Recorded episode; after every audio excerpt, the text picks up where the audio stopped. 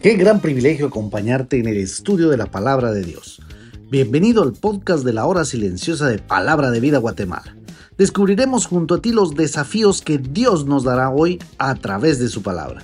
Deseamos que hayas tomado un tiempo para leer con anticipación el pasaje del día de hoy.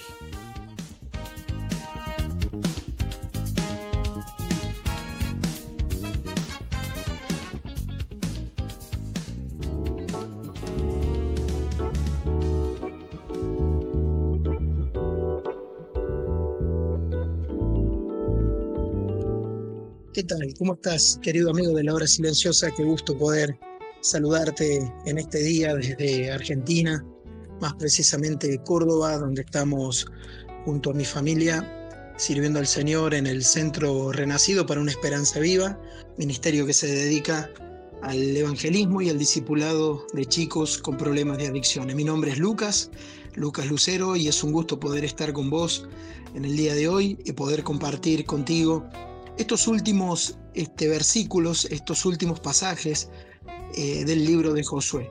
Y rápidamente me gustaría que me acompañes al último capítulo, capítulo 24, y vamos a tomar lectura de la porción de la palabra de Dios a partir del versículo 25 al final, que sería el versículo 33.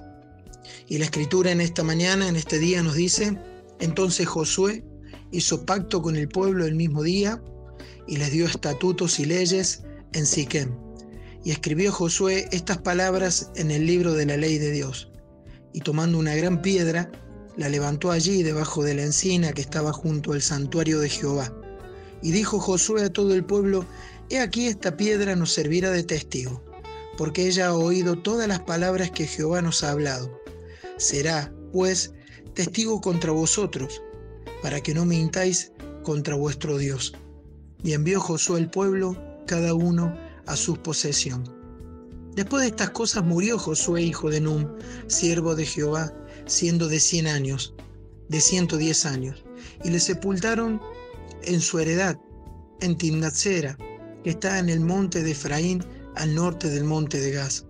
Y sirvió Israel a Jehová todo el tiempo de Josué, y todo el tiempo de los ancianos que sobrevivieron a Josué, y que sabían todas las obras que Jehová había hecho por Israel. Y enterraron en Siquén los huesos de José que, están, que los hijos de Israel habían traído de Egipto, en la parte del campo que Jacob compró de los hijos de Amor, padre de Siquem, de cien piezas de dinero, y fue posesión de los hijos de Josué, de José. También murió Eleazar, hijo de Aarón, y lo enterraron en el collado de Finnes, su hijo, que le fue dado en el monte de Efraín. La verdad que estamos en el último trayecto, hemos acabado de leer eh, el último trayecto, la última porción de la palabra de Dios aquí en el libro de Josué, este libro lleno de aventuras, lleno de cosas importantísimas por aprender, eh, lleno de un libro que nos impulsa a cada uno de nosotros a cómo servir al Señor y de aquellas cosas que, el Señor quiere lograr con nosotros.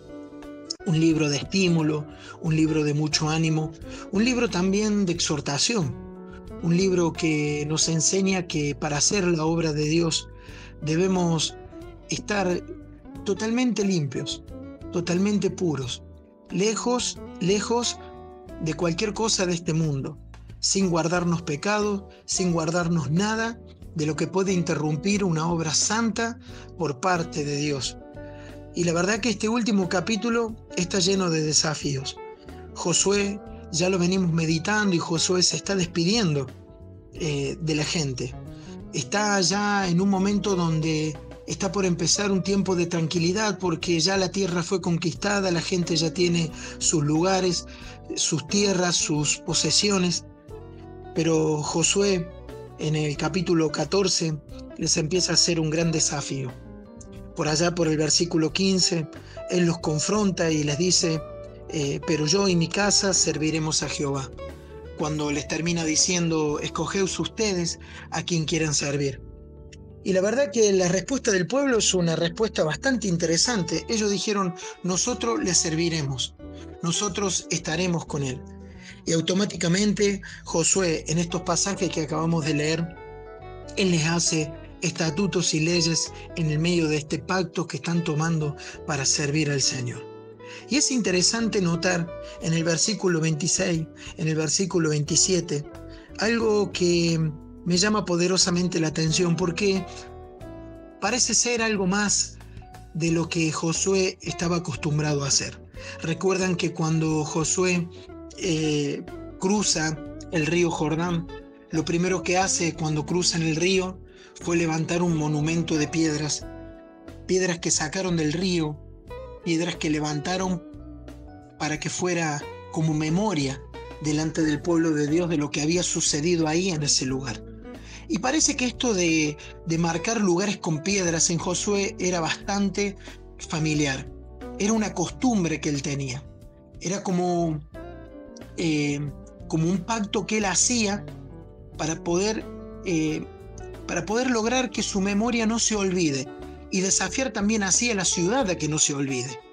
Y en este momento donde el pueblo hace un pacto, hace un pacto de servicio, un pacto de seguir a Dios, de escuchar su voz, de servirle, de obedecerle, Josué toma una piedra, una piedra que está ahí, donde se habían congregado, y la pone en el medio de ese lugar como testigo como testigo contra vosotros, dice terminando el versículo 27, para que no mintáis contra vuestro Dios. Esto me llama muchísimo la atención porque importante que es que cada uno de nosotros pueda tener memoria de las promesas y las cosas que en algún momento le hemos hecho al Señor. Sé que muchas veces esas promesas fueron hechas y fueron dadas en momentos de mucha felicidad, quizás cuando estábamos viviendo ese primer amor. Otras quizás fueron al momento de pedir algo que estaba que se escapaba de nuestra mano, que no podíamos lograr, que era algo casi imposible y prometíamos a Dios ahí ciertas cosas. O quizás estuviste en una conferencia, en una reunión en la iglesia, en un campamento, en algún momento escuchaste una palabra y con tu corazón y con tu mente hiciste una promesa, hiciste un pacto con el Señor de seguirlo, de servirle, de escuchar su voz. Creo que en este día bastante particular, terminando este libro de Josué, en este día sería bueno que cada uno de nosotros, oyentes de la hora silenciosa, podamos pensar, podamos pensar en ese momento donde le prometiste a Dios grandes cosas, que quizás se simplificaba en esto, seguirlo y oír su voz. Qué bueno que es para nosotros en este día hacer una evaluación, pensar y decir si aquellas promesas hoy son una realidad todavía en mi vida, o simplemente fueron unas promesas que quedaron en el tiempo. Yo creo que cada uno de nosotros tenemos en nuestra memoria lugares, tenemos momentos. Qué bueno sería que cada uno de nosotros en este día se puede sentar en un lugar, en su lugar preferido. Puede ser en la mañana, en la tarde, en la noche, y meditar. Y pensar qué fue de aquellas promesas que hemos hecho al Señor en aquellos momentos de, de mucha alegría, en aquellos momentos donde sentimos que Dios nos habló, o en aquellos momentos donde estábamos en una encrucijada y hemos prometido al Señor. Qué bueno que sería que piensas en ese lugar, como el pueblo de Dios tenía un monumento de piedra Qué bueno sería poder tener ese lugar. Ese lugar donde podamos acudir y pensar, en este lugar yo hice promesas al Señor. Que el Señor nos bendiga y nos dé la posibilidad no tan solo de tener memoria en este día, sino también de ser esas personas que dejen con nuestra vida un legado. Versículo 31 dice que Josué dejó un legado, un legado que trascendió los tiempos, tanto tiempo que así aquellos que trabajaron con él fueron capaces de seguir sirviendo al Señor como él lo había hecho. Qué interesante que es que quizás hoy con 15, 20 años, 25 años pienses, no sé qué legado puedo dejar. Déjame decirte, vos podés dejar muchos legados. El legado no es solamente para hombres de, de la tercera edad, hombres mayores, que ya están terminando su carrera con el Señor, sino que tu legado puede ser también ahora, en este momento. Si te levantas de tu lugar de confort, y decidir servir al Señor. Haciendo un pacto con Él si es que todavía no lo hiciste. O si lo hiciste en algún momento, renovar esas fuerzas y seguir sirviendo al Señor. Que Dios te bendiga.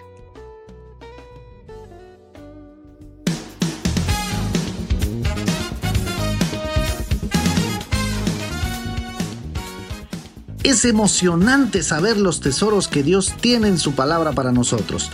Ayuda a tus amigos a que descubran la voluntad de Dios para su vida. Comparte este podcast con ellos. No olvides seguirnos en nuestras redes sociales.